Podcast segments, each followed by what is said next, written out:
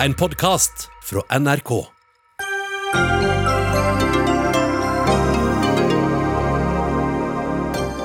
Det blir satsing på karbonfangst og -lagring i Norge, men bare fullfinansiering av ett prosjekt. Skuffende, mener Arbeiderpartiet.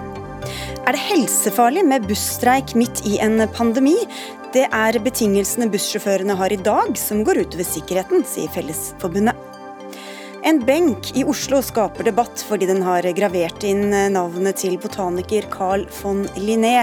Den må fjernes, mener noen. Historieløst, fnyser Høyre. Og reiselivsbransjen får en milliard krisekroner.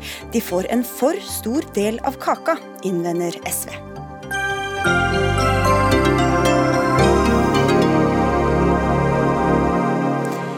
Velkommen til Dagsnytt 18, som også skal handle om hvitvasking av penger. Jeg heter Sigrid Solund, og vi begynner sendinga i hovedstaden.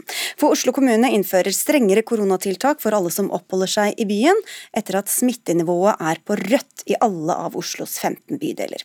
Fra og med i morgen klokka tolv blir det ikke lov å være flere enn ti personer samlet i private hjem. Og byrådsleder i Oslo, Raymond Johansen, hva er det ved smittesituasjonen som gjør at dere strammer inn såpass mye nå? Vi har hatt en sterk økning de siste 14 dagene. Eh, og vi er bekymra og har nødt til å komme med strenge anbefalinger og være tydelig i kommunikasjon. At hvis smittetallene nå ikke går ned, så må vi kanskje ha enda sterkere lut og kanskje stenge ned enda mer, og det ønsker jo ingen av oss. Men et forbud mot flere enn ti personer i ett hjem, hvordan skal det overholdes? Godt spørsmål. Eh, det er jo klart at eh, dette er et, også et veldig, veldig sterkt signal. Og vi kommuniserer med politiet hvordan dette skal håndheves. Dette er jo ikke enkel juss. Å gripe inn i et privat hjem på den måten er ikke det. Så ja, for Det er et lovforbud det er snakk om, det er ikke en, en anbefaling? En det, er, det, er, en forskrift, men jeg vil jo si ærlig at det er eh, ikke et, en enkel eh, måte å håndheve det på. Vi har en tett og god dialog med politiet om hvordan vi skal gjøre en rekke av disse, disse tiltakene. De andre eh, områdene vi er på, så går vi jo på sterke anbefalinger og muligheten til å gå lenger. Men vi ser at det området, akkurat som i Bergen, så er det Litt uklar juss, men se på det som en sterk, sterk anbefaling. Skal du på nachspiel, ja. så må du tenke jo, på hvem som men det, det er forskjell på en sterk, sterk anbefaling og en, et, et, forbud, da. Det er et forbud. Eh, er dere sikre på at dere har jussen i orden? At ikke det, det står i strid ikke. med andre rettigheter? Nei, altså det er ikke 100% Derfor er jeg veldig tydelig på det. Det er akkurat som har vært håndhevet i Bergen, det er heller ikke krystallklart eh, der. Så derfor har vi dialog med politiet om hvordan vi skal håndheve det. Så uh, være tydelig på at det er et, et forbud for å få ned smitten, så er håndhevingen akkurat der en utfordring. Hva slags slingringsmonn har man da? La oss si det er to familier som møtes og til sammen blir elleve personer. Det er jo noe annet enn om det er ti personer fra helt forskjellige hjem vi som snakker, kommer og møtes. Vi snakker liksom om private fester. Altså, vi ser jo at vi har jo mer kunnskap nå enn vi hadde i mars. Vi vet mer om hvor folk blir smittet igjen. Og her er det for å både at det er lettere med smitteoppsporing, og at det er eh, når det nytes en masse alkohol eh, hjemme, du veit kanskje ikke hvem som er på den festen engang, så er faren for smitten høyere, og vi har høye prosenttall at eh, folk har blitt smittet derfra. Derfor er dette å betrakte som en meget streng anbefaling, som man bør absolutt følge nå for å få ned smittetallene. Og så er det andre tiltak som ikke er forbud, men som er anbefalinger også, f.eks. munnbind på kollektivtrafikken. Gjelder det da hele døgnet? eller eller hvordan er det? Eh, det er først og fremst når du ser at det er umulig å holde énmetersregelen. Men det vi sier er at ta på deg munnbind før du går inn på trikken på T-banen, for eh, å ikke risikere smitte med, med en gang. Ja, så du skal ha Eh, munnbind på deg. Vi vet at i Norge så er det lite kultur på å bære munnbind, som du ser i asiatiske og andre steder er mer vanlig, så vi har en barriere å gå. Vi tror at eh, det å bære munnbind vil være et sterkt signal om at fortsatt faren er ikke over, og det vil redusere smitten. Så utgangspunktet er ja, ta på deg munnbind, men reiser du hjem klokka 11 om kvelden og sitter i bakerste vogn og du er helt klin aleine, så så, tror litt, ingen, litt så, så, så, tror jeg ingen vil reagere på at du okay. har på munnbind. Du, og dette skal også gjelde på kjøpesentre og butikker og sånn, at man skal bruke det. Ja. Og hvor lenge gjelder disse tiltakene nå i, I første, første omgang i 14 dager. Og det gjelder også tiltaket som vi har nå, sterk anbefaling om registrering ute på steder du spiser, om det er på en bar eller kantine eller hva det er. Registrer sånn at smitteoppsporingen blir enklere. Takk skal du ha, Raymond Johansen. Tusen takk. Música Det blir satsing på karbonfangst og -lagring i Norge, men ikke to steder, slik mange hadde håpet på, i første omgang i hvert fall. Regjeringa finansierer fangst og lagring på Norcems sementfabrikk i Brevik i Telemark, men Oslos største utslippspunkt, Fortums gjenvinningsanlegg, får bare begrenset støtte. Espen Barth Eide fra Arbeiderpartiet, første nestleder i energi- og miljøkomiteen på Stortinget. Du er glad for det første, men litt skuffa over det andre. Hvorfor burde begge fått full finansiering? Jeg vil først si at det er helt riktig at jeg er veldig glad for at eh, Norcem i Brevik får uh, sitt fullskalaprosjekt. Det er utrolig viktig å lære oss å binde karbon i forbindelse med sementproduksjon. Det er betydelig utslipp, og, det er bra at vi går videre med det. Og også det som heter Northern Light, som er dette fangstanlegget. Så det er jeg glad for. Men jeg syns vi burde hatt to fullskalaanlegg. Det ene da sement i Norcem, det andre avfallshåndtering i Klemetsrud i Oslo. Det er to forskjellige deler av økonomien, og avfall kommer vi til å drive med selv i en fremtidig sirkulærøkonomi. og jeg mener at vi skal lære oss å fange karbon fra begge to. Det er faktisk sånn at jeg mener at det å lykkes med karbonfangst og -lagring er kanskje Norges viktigste enkeltbidrag i den internasjonale klimakampen. Men i tillegg til det så kan det altså både skape en rekke arbeidsplasser i norsk industri og opprettholde en rekke arbeidsplasser vi har i dag, fordi du altså knekker en viktig kode. Hvordan kan du fortsette med en del ting vi gjør i dag, men med betydelig lavere eller ingen karbonutslipp? Og da, olje- og energiminister Tina Bru, hvorfor satser dere da først og fremst bare på ett av disse prosjektene? Det norske fullskalaprosjektet handler jo ikke i hovedsak om vi skal ha ett eller to prosjekt. Det handler om å demonstrere det vi kaller hele verdikjeden for karbonfangst og -lagring. Altså at du fanger CO2-en, at du har en transportløsning, og at du kan lagre det. Det fins ikke i dag. Så det vi gjør med dette prosjektet her, er å demonstrere for hele verden at det lar seg gjøre, og at vi stiller opp for det. Det vet vi vel ikke ennå? Vi tror dette skal la seg gjøre. Dette er et svært godt kvalitetssikret prosjekt. Har, vi har jobbet med det siden 2013. Industriaktørene er tett innpå og har også klare insentiv selv til å få dette til. Så jeg har full tro på det. Og da sa vel også denne utredningen at det ikke gir så mye ekstra gevinst å kjøre parallelt, eh, Barth Eide? For det første gir det jo mye mer fangst. Man fanger mer karbon og får da et mye større volum til Northern Light. Så du får altså komme mye mer i gang med selve bindingen. Og selv det at du fanger mer karbon er en egenverdi.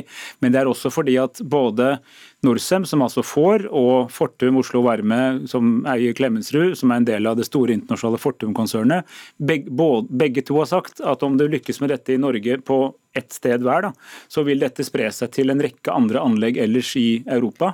Eh, og, og Det vil altså da ha en slags kickstart-effekt på et veldig viktig prosjekt. og FNs klimapanel sier at i praktisk talt alle scenarioene som tar oss til oppfyllelse av Parisavtalen, så trenger vi karbonfangst og -lagring. Norge har tatt en ledertrøye i denne saken i mange år, gjennom mange regjeringer. Eh, og jeg mener at det er utrolig viktig at vi tar det mål, at vi ikke går til utlandet og ber om pengestøtte til akkurat dette. Vi faktisk tar det på oss. Det er få land som har tjent mer per innbygger på olje- og gasseksport eh, gjennom årene.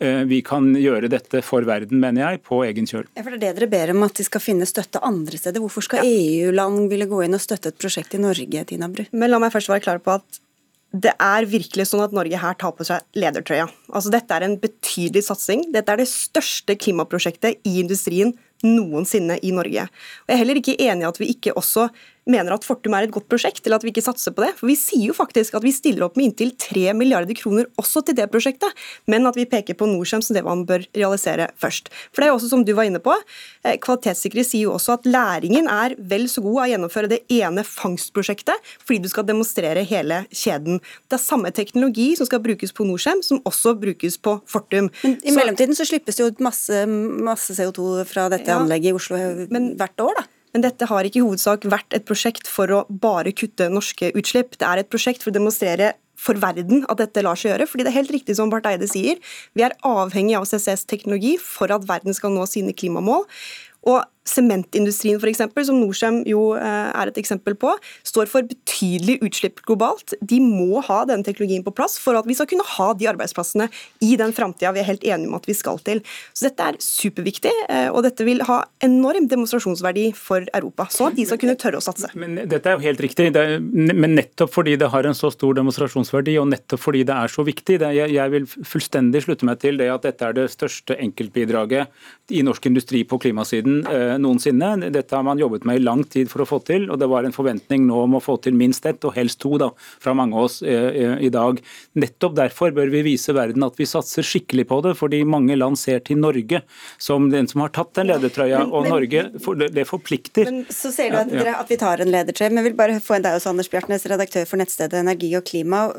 Norge skal ta en ledertrøye, er det lett for oss, eller hvor mye satses dette på internasjonalt? Jeg tror Det er ingen tvil om at Norge her nå er først i spor. Ingen tvil om at Norge her nå er først i sporet og, og, og legger mye ressurser inn for å få til den hele denne kjeden. Og kanskje dette her lageret, altså litt sånn populært sagt søppelfyllinga for CO2 som etableres i Nordsjøen, det er det viktigste av alt. da, fordi at Uten at det er et sånt sted der du kan skippe den CO2-en som fanges, så gir det jo ikke så mye mening å, å fange den på industri anlegg heller. sånn at det at, du, at, europeiske aktører, industrier nå, får et sted der de kan eh, sende CO2 med båt og bli kvitt det for evig tid, det er veldig veldig viktig. Men Hva tror du det er sannsynligheten for at EU også vil spytte inn penger i dette andre prosjektet på, på Klemetsrud i Oslo? Som... Nei, det, det, er jo da, Hva er perspektivet? ikke sant? For På den ene sida så er det klart at dette her er mye penger i norsk kontekst. Det, er, det er penger som skal, skal, eh, skal finansieres over budsjettråd som blir strammere osv. På den andre sida så er jo, har jo da EU og andre ting å bruke sine penger på. og Hvis du ser på hvor mye vi har tjent av Norge gjennom åra på på olje- og gasseksport til EU, så er det jo ikke sikkert at dette her er det de tenker at ja, stakkars nordmenn, nå må vi hjelpe dem med noen milliarder for å få dette her Det tror jeg ikke er bærer veldig langt av det argumentet. Men det er heller ikke argumentet vårt. Vi sier ikke 'stakkars oss, eh, vi trenger penger'. Men det har vært helt fra starten av dette prosjektet, så har det vært en altså, Den største risikoen da, for at dette prosjektet blir mislykka, er at ingen andre land tar denne teknologien i bruk. Da har Norge brukt store penger på noe kun Norge gjør. Så det er et selvstendig poeng, det har en egen verdi å prøve å få også EU EU med på dette.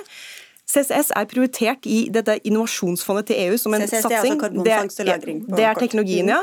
De peker på det som et satsingsområde. Stadig flere europeiske land har nå CCS inn i sine klimaplaner. Det er også noe med å vise den viljen. og Fortum er et veldig godt og modent prosjekt. Jeg tror de stiller sterkt i denne konkurransen, og det er et selvstendig poeng å kunne også få EU med på laget her, fordi det har ingen verdi hvis ingen andre gjør det. Men og som dere selv sier, altså, alle scenarioer framover, hvis man skal eh, klare å begrense global oppvarming, så må man ha denne teknologien. Men Espen Barth Eide, du sa jo selv at dette gjør også det mulig for å fortsette som før.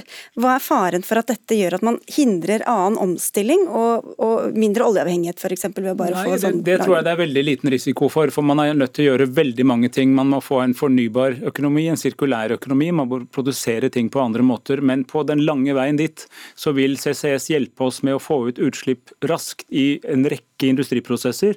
Og det kan også være at vi, hvis vi knekker denne CCS-koden skikkelig, kan fortsette å produsere naturgass som vi da gjør om til blå hydrogen en god stund fremover. Mye lenger enn Europa vil ha vår eh, i dag veldig CO2-produserende eh, gass. Så Det kan altså være slik at dette er en utgift som vi senere vil tjene svært mye på, fordi man altså opprettholder en del viktige industrier i den overgangsfasen vi skal gjennom. Men det er ikke slik at CCS løser alle verdens problemer. Du trenger å gjøre svært mange ting for å, for å nå de målene vi nå setter oss sammen med EU på 55 kutt innen 2030. Jeg mener hydrogenargumentet her er litt farlig. for Det er da en sånn risikoløp man kan se det som òg. At du binder opp en, en, nåværende industristruktur med, med, å hente gass og lage, lage hydrogen osv. med karbonfangst som en sånn, sånn fugl på taket. da som kanskje ikke er så attraktiv sett med europeiske øyne. Mens da disse to prosjektene her, altså avfall og sement, det, det kan du ikke løse med.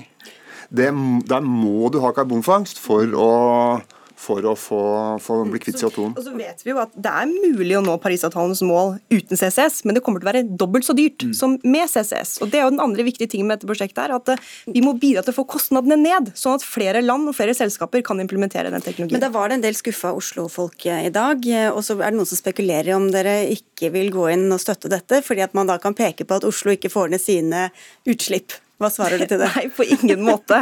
Eh, og jeg vil også igjen være uenig med deg. Vi stiller faktisk 3 milliarder til disposisjon for Fortum også. Vi sier helt tydelig at dette også er et bra prosjekt. Jeg skal heie på de hele veien i den prosessen vi skal inn i.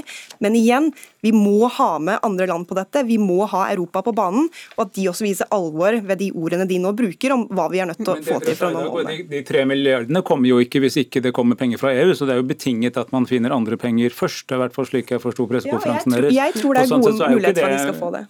Ja, det får vi håpe på. Men jeg tror Bjørtnes har et poeng her at det kan se litt rart ut at akkurat Norge, med alle våre inntekter fra olje og gass, skal komme til Europa og, si, og tigge penger til dette prosjektet. Og så ble det sagt her at Norge har sittet i førersetet lenge, men så er det mange som husker et gans, en mislykket månelanding og mange år som gikk med til noe som ikke fikk så veldig stor effekt, Bjartnes. Hvor, hvor annerledes er dette, disse prosjektene, dette prosjektet som nå får penger? Jeg, jeg tror at det er, det, er my, det er, mye mer modent, og det er jobba mye bedre med. Og så er det valgt og da noen sektorer som har mye mer for seg da enn å rense et uh, et sånt eh, ja, halvbra gasskraftverk.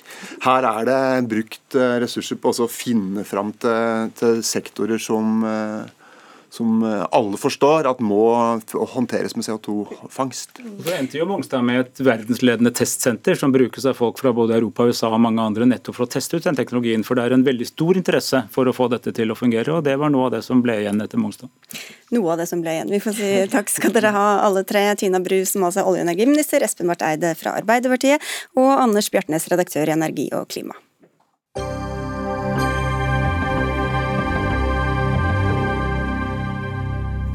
Som de fleste vel har fått med seg, mange busser står pga. streik. Nå varsler bussjåførenes fagforeninger at ytterligere 4500 sjåfører kommer til å bli tatt ut i streik lørdag. Opptrappingen omfatter alle sjåfører i fylkene Vestland, Trøndelag, Rogaland og Finnmark. Da kommer til sammen 8500 bussjåfører til å være ute i streik, med mindre de blir enige med dere innen da, Jon Stordrange. Du er administrerende direktør i NHO Transport og representerer altså arbeidsgiverne. Dere beklager både denne streiken og planene om opptrapping, og sier at det er dårlig timing. Hva mener dere med det? Det er for første beklager vi streiken, for en busstreik den går hovedsakelig ut over tredjeperson, men passasjerene. Og vårt samfunnsoppdrag det er å frakte disse passasjerene dit de skal, til jobb og skole og fritidsaktiviteter, og det klarer ikke vi i dagens situasjon. Det beklager vi veldig sterkt. Det ligger vel i streikens natur? så går det litt, ja, men Det er ikke alle streiker som rammer tredjeperson like hardt. Det er det ikke.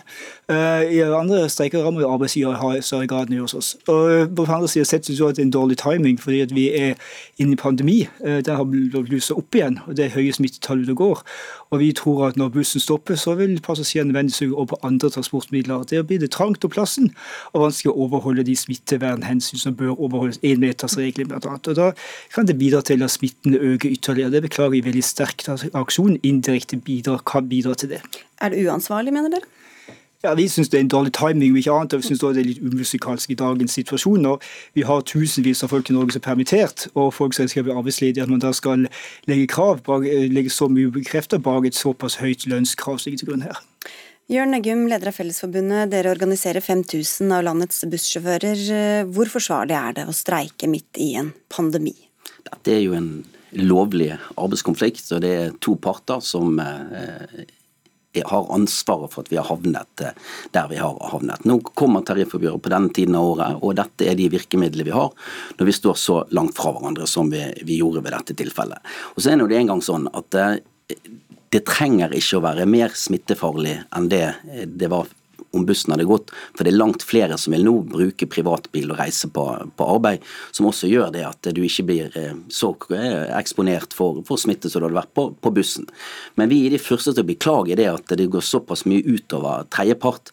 Men det er jo som du sjøl sier, at det er litt sånn vanskelig når det er bussjåfører du, du forhandler for, at ikke det skal gå utover tredjepart. Men vi beklager selvsagt eh, de problemene folk får i hverdagen med å få, ja, levert barn i barnehagen og få komme seg sjøl på arbeid. Så vi håper jo at det eh, ikke skal være langvarig, at vi er vår ansvaret bevisst, og at vi, vi kommer i mål på en, på en, god måte. Ja, for Når skal man streike utenom når det er brudd i lønnsforhandlingene? Stordraget? Nei, det er jo riktig. Det er jo lovlig kampmiddel, det, det ser vi òg. Men uh, det er ikke alltid det er riktig tidsmessig å bruke det kampmiddelet, fordi at ikke det passer inn i samfunnsforholdene som eksisterer på det tidspunktet akkurat nå. Men i den unntakssituasjonen i dagens eh, pandemi uh, som man faktisk må hensyn ta. Og vi har oppgjør som kommer senere, det, det er kanskje mer relevant og bedre timing å bruke den type virkemidler.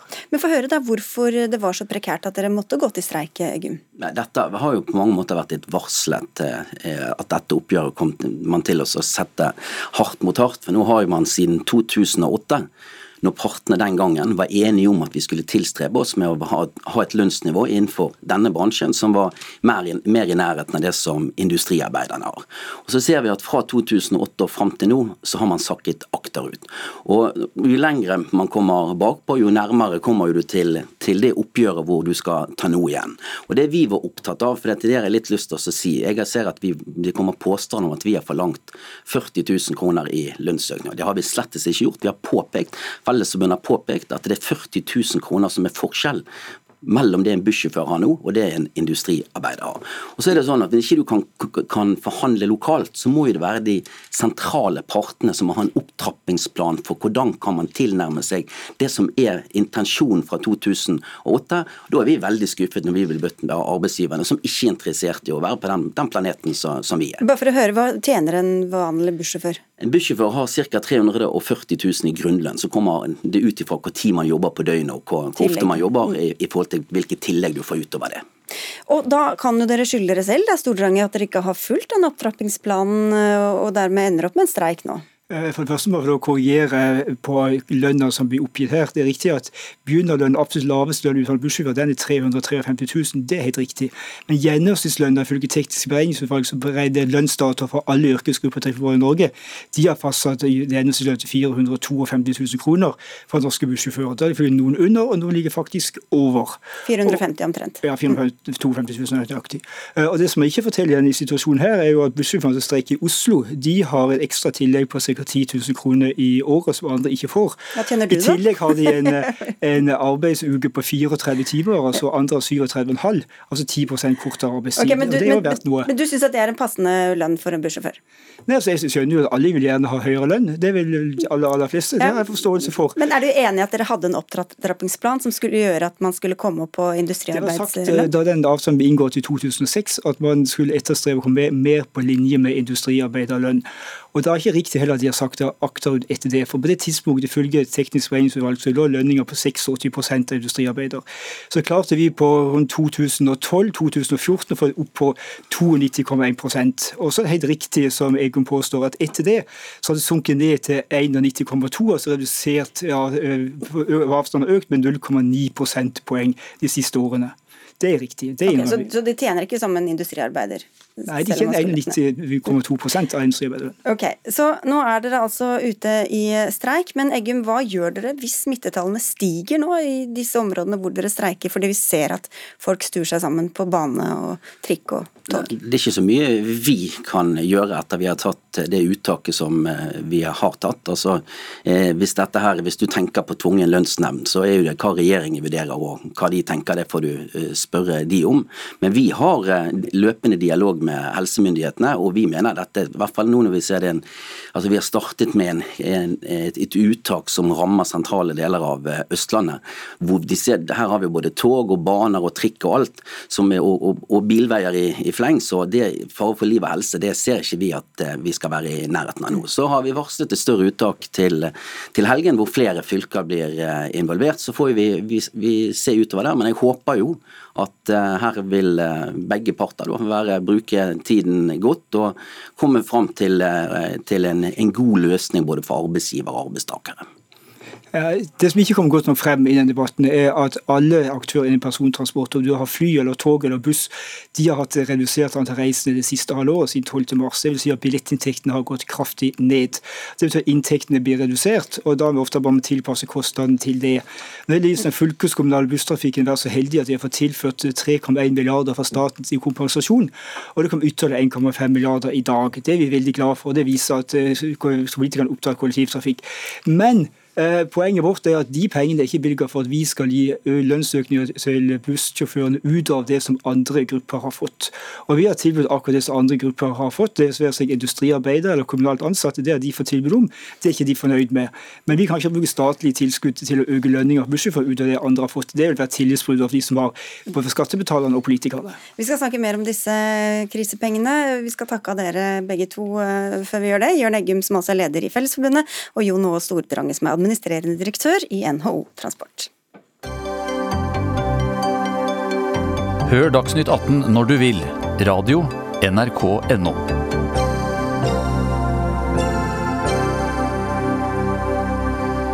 For regjeringa vil altså bla opp inntil 6,1 nye milliarder kroner for å hjelpe det kriserammede næringslivet. En av milliardene skal gå til reiselivet. Dette ble klart i dag, finansminister Jan Tore Sanner. Hvilke deler av næringslivet går denne kompensasjonen og denne pakka til? Ja, dette handler jo først og fremst om jobbene til, til, folk. Alt vi nå iverksetter av tiltak, det handler om at vi skal trygge jobbene. At permitterte skal komme tilbake i arbeid. Og så er det noen ordninger som er spesielt rettet mot særskilte bransjer. Eh, og Det handler om reiseliv. Eh, det kommer færre turister. Eh, mange hotell sliter, mange reiselivsaktører, eventbransjen. Messer som har vært vant til å ta imot mange besøkende, mange tusen 000 besøkende eh, har måttet eh, stenge ned sin, sin, virke, eh, sin virksomhet. Men også kulturbransjen. Kollektivselskapene får ekstra penger, og også flybransjen, også, hvor vi også har justert denne, denne garantiordningen. Da virket det jo veldig bredt, da, men likevel sier du at dette er urettferdig, Audun Lysbakken, SV-leder. Hva er det du tenker på da? Dette er jo en pakke som uh, har blitt tatt uh, godt imot i reiselivet i dag, men ikke så veldig godt Eh, andre steder, og det skjønner jeg godt. fordi i stor grad så eh, lar man jo andre bedrifter i stikken. Eh, det er bra at det kommer noe som er målrettet på reiseliv, men vi har jo nå en krise i norsk arbeidsliv som er langt bredere enn som så. Og sett opp mot den utfordringen, den dramatiske situasjonen vi er i med fare for at arbeidsløsheten biter seg fast, så er det åpenbart, mener vi, at man burde kommet med en bredere og mer kraftfull krisepakke. Og på toppen av det Eh, så sender jo Jan Tore Sanner altså deler av regningen til folk som har lite, gjennom å varsle at du i vinter vil rulle tilbake mange av de sosiale ordningene som Stortinget fikk på plass i vår, sånn at eh, dagpengesatsene blir mindre, eh, sånn at en rekke av rettighetene til de arbeidsløse vil forsvinne i en situasjon hvor det er grunn til å frykte at vi fortsatt vil ha høy arbeidsløshet, sånn at krisen blir sendt hjem til folk, og de arbeidsløse vil få det enda vanskeligere med å få endene til å møtes. Men er det ikke at det er færre, færre som blir arbeidsløse, da? Begge deler er jo viktig, eh, men det er derfor vi sier at for å hindre arbeidsløsheten i å bite seg fast, så burde pakken vært bredere. Den burde rett og slett omfattet flere næringer, for nå er det ganske mange bedrifter som òg mister muligheten til å få støtte, som var omfattet av de gamle ordningene.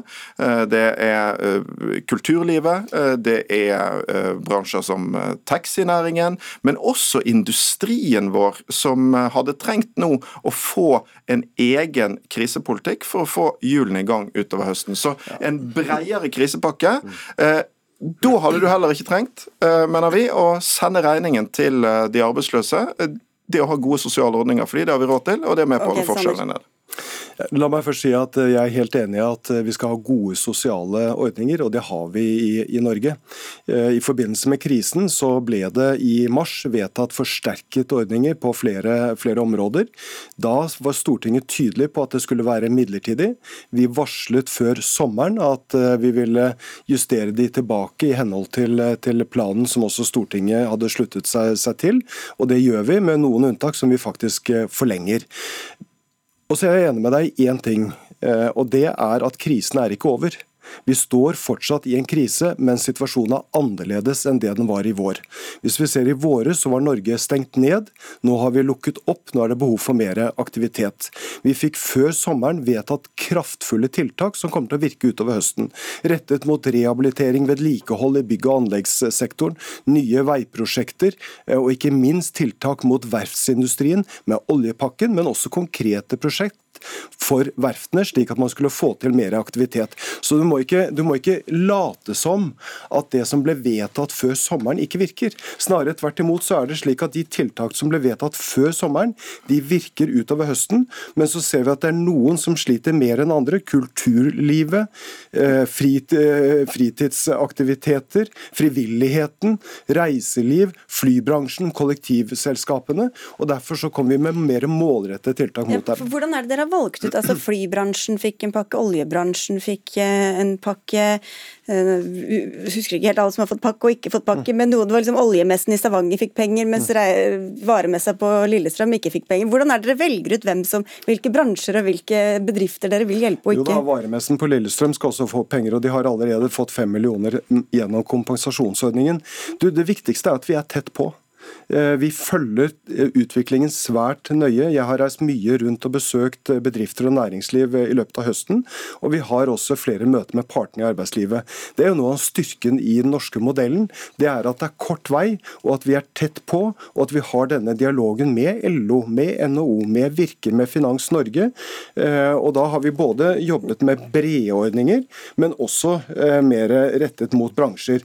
Og det er ikke vanskelig å se at reiselivet er i en helt spesiell situasjon. Turistene kommer ikke til, til Norge. Mange sliter mye. Konferansemarkedet er mye tørrere enn det det har, har vært. Og også messene har mm. utfordringer. Vi skal snakke mer om både event og reiseliv snart. Men hvem er det du mener burde fått mindre da, Lysbakken? Hvis andre burde fått mer? Nei, Vi er for uh, en målrettet pakke til reiselivet, uh, men vi er mot uh, å sende deler av regningen til de arbeidsløse. Og så mener vi at regjeringen kunne laget en mer kraftfull pakke nå til flere næringer.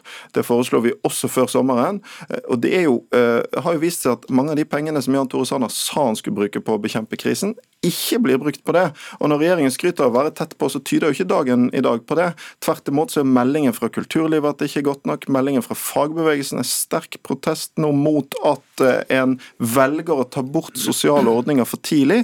Eh, og det tyder på en regjering som ikke erkjenner hvor dyp krisen er for de som betaler den høyeste prisen, og det er lavtlønte arbeidsfolk. Og det er all grunn til å tro eh, at risikoen for at f.eks. mange hotellarbeidere fortsatt er permittert ved nyttår er stor. Og det betyr at mange lavtlønte mennesker vil du risikere får en enda vanskeligere situasjon hvis man er for tidlig ute med å trekke ordningene tilbake. Det aller viktigste vi kan gjøre, og det mest sosiale, det er å bidra til at folk kan komme tilbake i jobb. Hvis du går tilbake til april, så var det 290 000 helt ledige. Nå er det nede i 108 000. Det betyr at eh, flere hundre tusen har kommet tilbake i jobb. Det er det aller viktigste vi kan gjøre. Fortsatt er arbeidsledigheten for høy, og derfor er det også behov for nye tiltak rettet mot eh, bedriftene, og det har vi nå fått på plass. Så har vi fulgt eh, det klare rådet som kom fra partene i arbeidslivet om å utvide permitteringsordningen til 52 uker, og vi har nå også varslet at folk som er permittert, som går på dagpenger, skal ha muligheten til å ta ut utdanning og, og få mer kompetanse mens man går på dagpenger. Den ordningen forlenger vi frem til 1.7 neste år. Vi skal fortsette med deler av denne pakka, men fordi vi er så strenge på smittevernregler her i NRK, så skal vi få, sende dere ut før vi får inn to andre aktører. Så takk skal dere ha, Jan Tore Sanner og Audun Lysbakken. For da skal vi tilbake til reiseliv og eventbransjen. Reiselivet får altså en krisepakke på 1 milliard kroner i kompensasjon, og under denne krisepakken faller også deler av eventbransjen.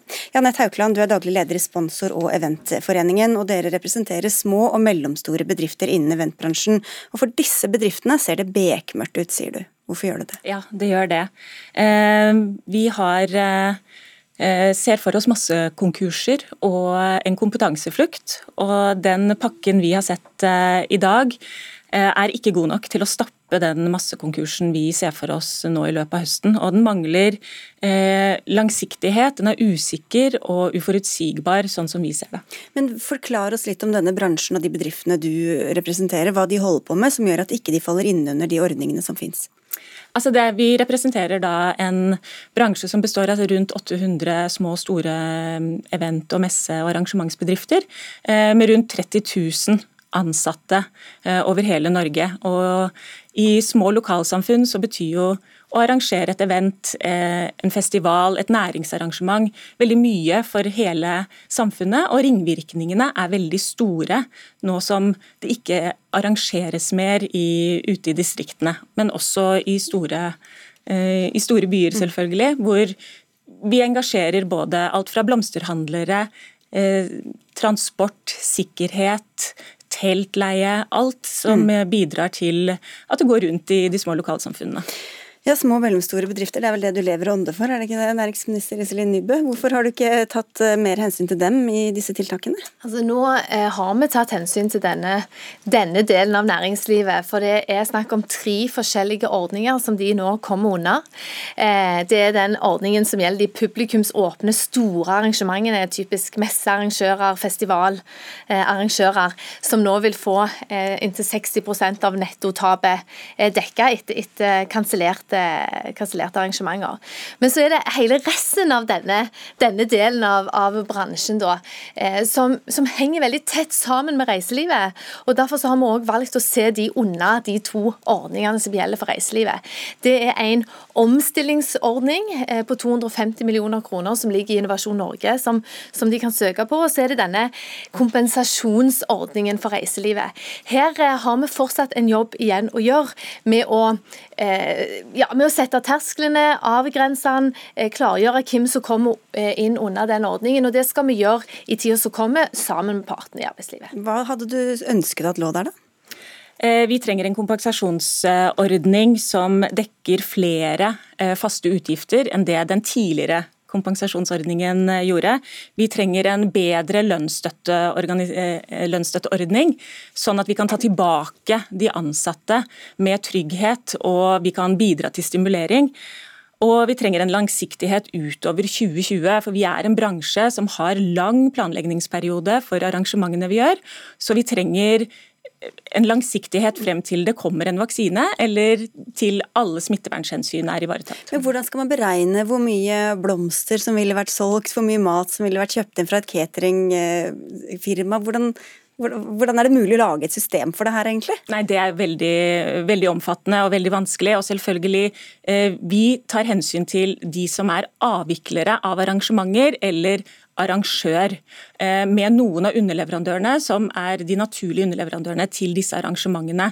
Som er eh, en symbiose sammen med oss, og de trenger støtte eh, utover det som ligger til grunn i dag. For det er krise i vår bransje, og det ser ikke lyst ut ut 2020 nå. Det er ingen tvil om at det her trengs det bistand. og det er jo Derfor også regjeringen leverer det jeg vil si ganske kraftfulle pakker i dag.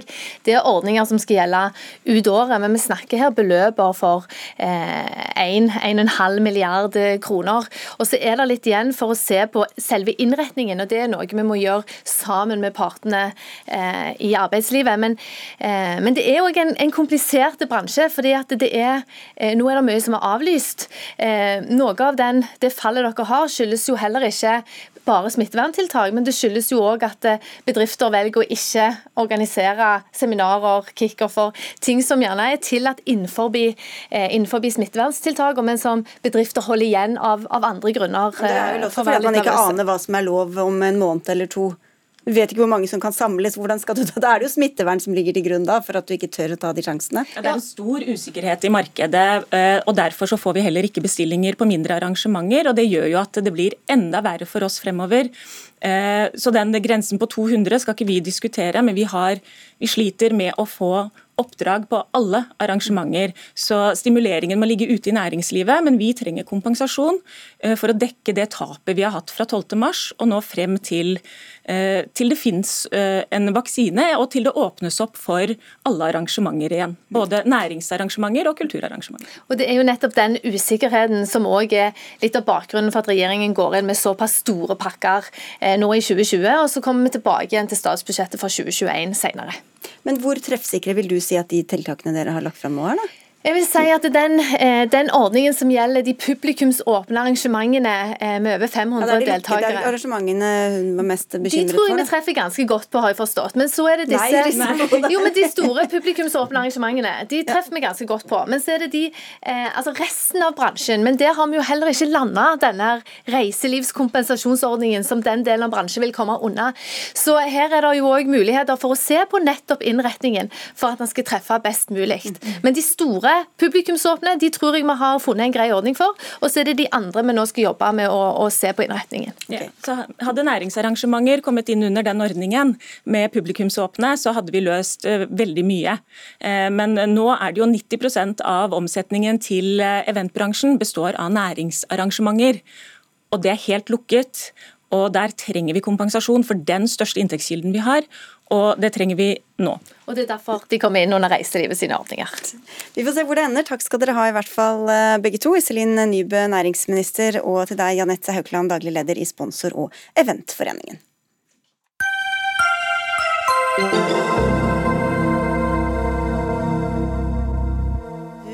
Husker kanskje at du lærte om botanikeren Carl von Linné på skolen. Det var jo han som satte alle planter i system. Men han var også med på å grunnlegge artsbegrepet, og rangerte også mennesker etter art. Nå har en benk med hans navn på i Botanisk hage skapt eh, debatt, og bydels, altså Botanisk hage i Oslo. Eh, og bydelsutvalget i Gamle Oslo ønsker ikke å la den bli stående sånn som den er. Den som reagerte først på navnet på benken, det var du, Wad Alawal. Du bor i Oslo. Jeg sa visst feil navn på deg, beklager det. Alrawal Adradi. Du bor i Oslo og var ute og gikk tur da du så denne benken, og hva tenkte du da du så navnet? Eh, ja, da tenkte jeg at eh, ja, her er det en benk i offentlig rom i Botanisk hage, dedikert til Carl von Linné, eh, rasebiologens far. Og det er det da Universitetet i Oslo som står for denne dedikasjonen, som har valgt å fremstille en sensurert versjon av historie.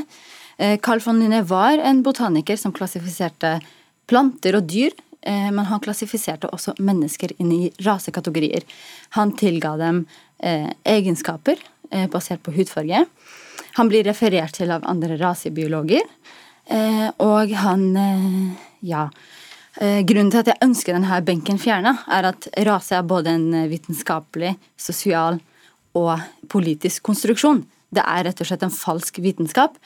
Carl von Linné sine bidrag inn i denne såkalte vitenskapen har blitt brukt til å både rettferdiggjøre slavehandel og til å eh, dehumanisere afrikanske folk og rasifiserte folk fortsatt. Og da tok du det med inn på et bydelsmøte. Ja. Hva skjedde da? Da fikk jeg delta på det som var åpen halvtime, og fikk eh, forklart det her.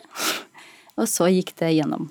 Bortsett fra, mm. ja, så ble det stemt over. Ja, mm. og Dette er jo selvfølgelig et eksempel, men det er jo ting som vi har diskutert eh, eller Det er jo sikkert du delte meninger om hvor representativt dette er for tilsvarende krav eller ønsker som kommer rundt omkring i det ganske land. Men dette ble i hvert fall hørt eh, av bl.a. deg, eh, Stian Amadeus Antonsen. Du er bydelsrepresentant i SV, og dere gikk sammen med Rødt og fremmet et forslag etter dette initiativet. Hva gikk det forslaget ut på? Jeg må bare si at jeg er utrolig stolt av, av, at vi har innbyggere som både tar initiativ eh, og som dukker opp på demokratiske fora og, og ønsker å få, få ting gjennom. Um, og eh, jeg kan jo si for, for, de som ikke kjenner til det, Gamle Oslo er jo en av Norges mest eh, flerkulturelle steder. Eh, det er òg et sted med stor eh, eh, problemer med, med, fattigdom og med, med trangboddhet. Så, så, Botanisk hage, der denne benken ligger, er ikke en hvilken som helst plass. Det er på mange måter en slags utvida stue for, for, folk i vår bydel. Da er det viktig at, at folk føler seg komfortable der. Um, derfor så, så fremmer vi dette forslaget. Uh, og, og, vi ønsker jo at denne benken skal ha et uh, Skal kunne uh, stå, men ikke nødvendigvis i Botanisk hage. Men stå, mm. eller fjernes, eller hva skal egentlig skje med den? vi ønsker jo at den ikke skal være i Botanisk hage, men inni Botanisk hage så ligger jo Naturhistorisk museum. Der kan jo benken være som en del av en større utstilling der folk faktisk kan lære. Men sånn som det er nå, så står den kun som en hyllest uten at folk får kjennskap til alle de tingene som kom fram her om hans uh, rasistiske uh, bidrag.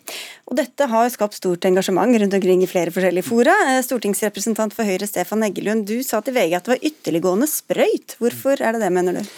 Altså det var henvist til det som sto i magasinet Kronos eh, nettsak om dette, der eh, det sto at benken skapte en utrygg atmosfære i Botanisk hage. Det var i hvert fall en, en eh, veldig annerledes måte for meg å se på hva en slik benk faktisk kan, kan bety for tryggheten i Botanisk hage. Men så er poenget at dette egentlig ikke handler om denne benken spesifikt. Det handler om en større debatt som vi har begynt å få i Norge også, der vi har hatt uh, diskusjoner om statuer av Winston Churchill, Ludvig Holberg og så denne benken tilegnet Carl von Linné, hvor det virker som om man har et ønske eller et slags prosjekt om at noen mennesker eh, som har hatt betydning på ulike felt eh, i vår historie, skal viskes ut eh, fra historien. Der. Og da er mitt poeng at det går ikke an. fordi at vi påvirkes på eh, flere forskjellige måter av folk som har levd før oss. Og er det en ting vi vet, så er det jo nettopp det at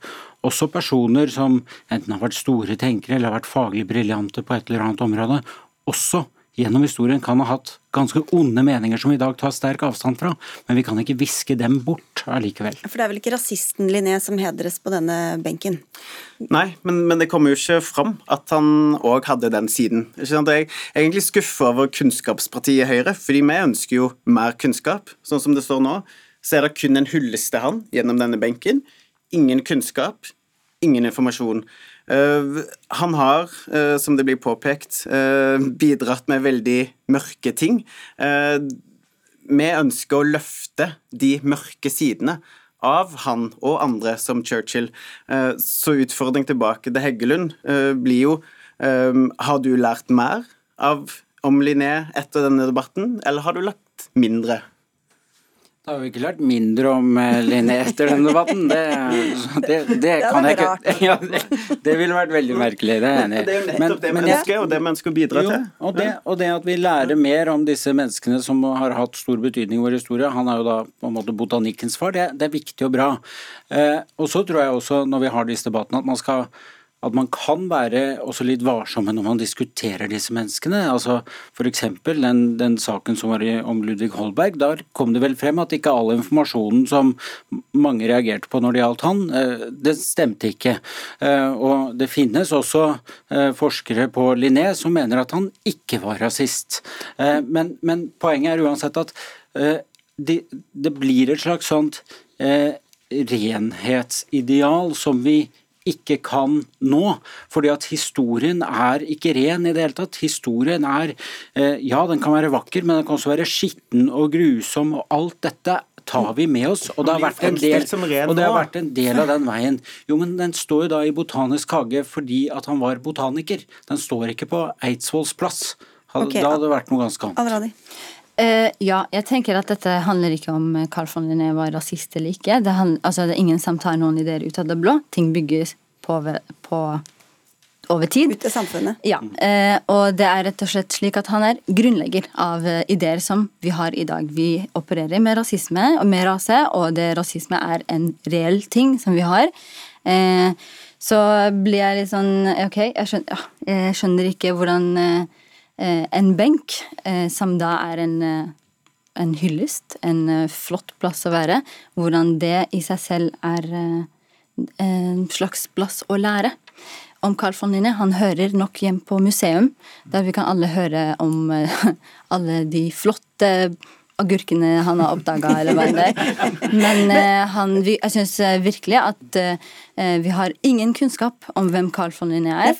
For nå står benken der bare helt uten noen kontekst, Heggelund. Hvorfor ikke ha en sånn plakett ved siden av da, som forklarer både det positive han gjorde, og det negative han holdt på med? Altså, det må Botanisk hage gjerne gjøre for min del, men jeg tenker konteksten akkurat når det gjelder den benken.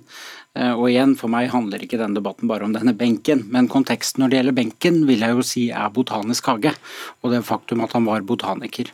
Men, ja, men da er det jo deler av den konteksten som uteblir, eller deler av informasjonen om ham som ja, uteblir? Man må gjerne ha enda mer informasjon om Carl von Linné.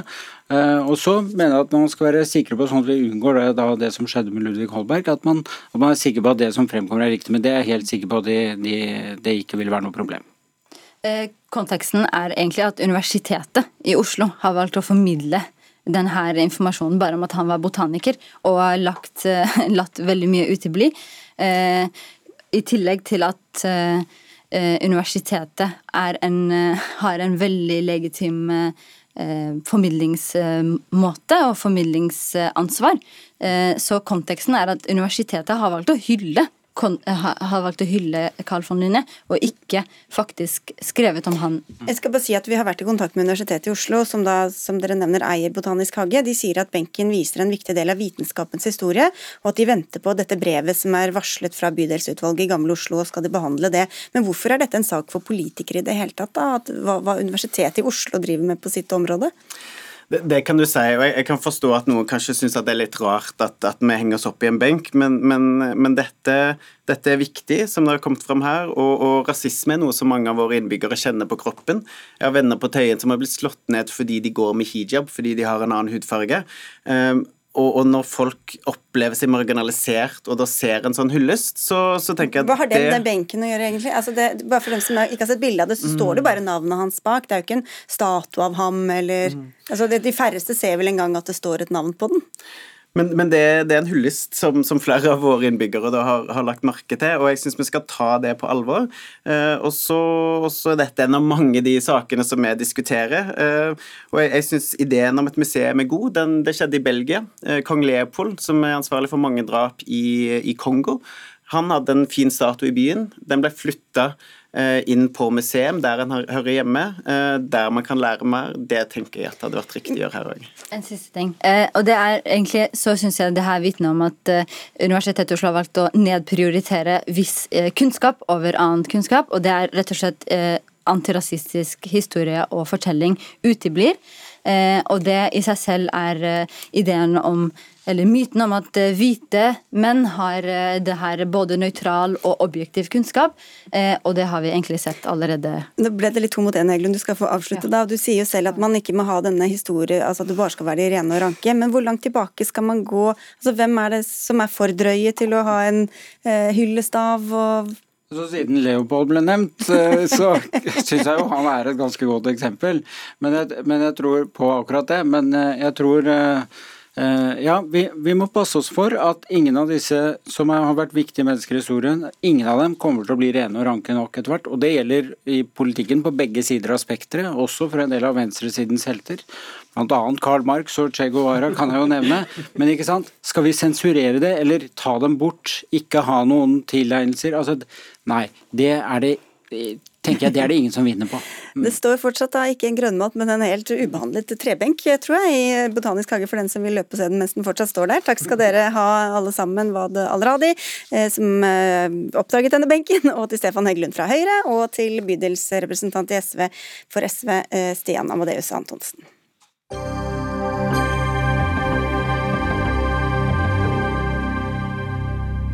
Fem av de største bankene i USA skal ha bistått svindlere, gangstere og oligarker med å flytte enorme summer på tvers av landegrenser. Det viser lekkede dokumenter som inneholder varsler om totalt 2000 milliarder dollar.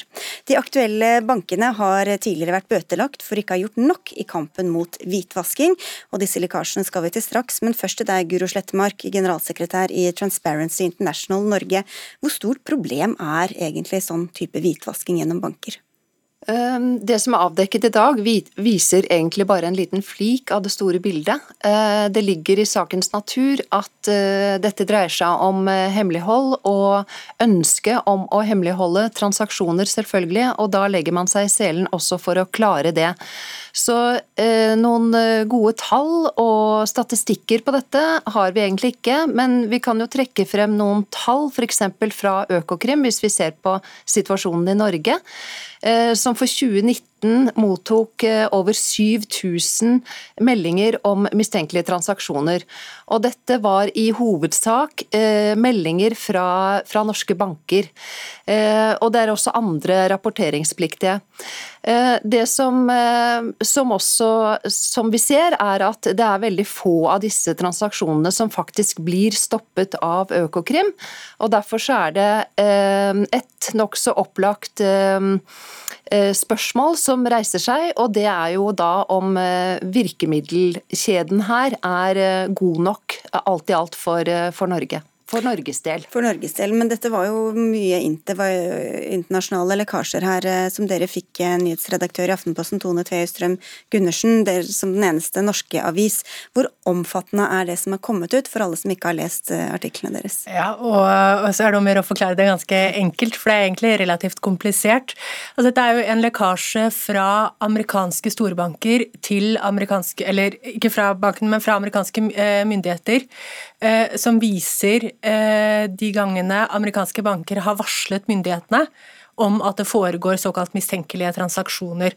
Og En mistenkelig transaksjon kan jo f.eks. være at det er en stor transaksjon som bankene har forsøkt å undersøke hva er, men hvis de ikke kommer til bunns i det, og de mistenker at den er knyttet til kriminalitet eller en form for hvitvasking, så skal de varsle det til myndighetene. Og Den lekkasjen Aftenposten har jobbet med, er jo basert på 2100 eh, sånne varsler fra amerikanske banker til amerikanske myndigheter. Og Så inngår jo også DNB eh, som en del av av de varslene. Hva eh, er da en sånn mistenkelig transaksjon? Hva er kriteriene for å være mistenkelig? Ja, det, jeg tror det kan være ganske mange ulike kriterier, men det aller viktigste er vel at bankene ikke nødvendigvis finner ut av hva den transaksjonen er. Det kan f.eks. være en, Et eksempel er at det er en stor sum penger som går frem og tilbake mellom ulike kontoer, eller det kan være en stor sum penger som blir delt opp i mange små kontoer, eller det kan være en mistenkelig transaksjon altså i form av en transaksjon der eh, bankene legger til rette for det selv om de ikke vet hvem kunden er. Eh, sånn at Den type transaksjoner eh, knyttes jo da ofte til enten en mistanke om kriminalitet, mistanke om hvitvasking eller mistanke om korrupsjon eller bedrageri. Hvitvasking som står sentralt her, Slettemark. Hva, hva utgjør egentlig om, noe er hvitvasking? Hva, det, hva, går det ut på? Ja, hva går det ut på? Det er et godt spørsmål. Eh, det handler jo om å få pengestrømmene inn i legale former. Eh, altså penger som stammer fra, altså fra kriminalitet. Det kan, være, eh, det kan være narkokriminalitet, det kan stamme fra korrupsjon, som det ble nevnt her. Og da har man jo et behov for å bruke finansinstitusjonene eller andre måter å hvitvaske penger på.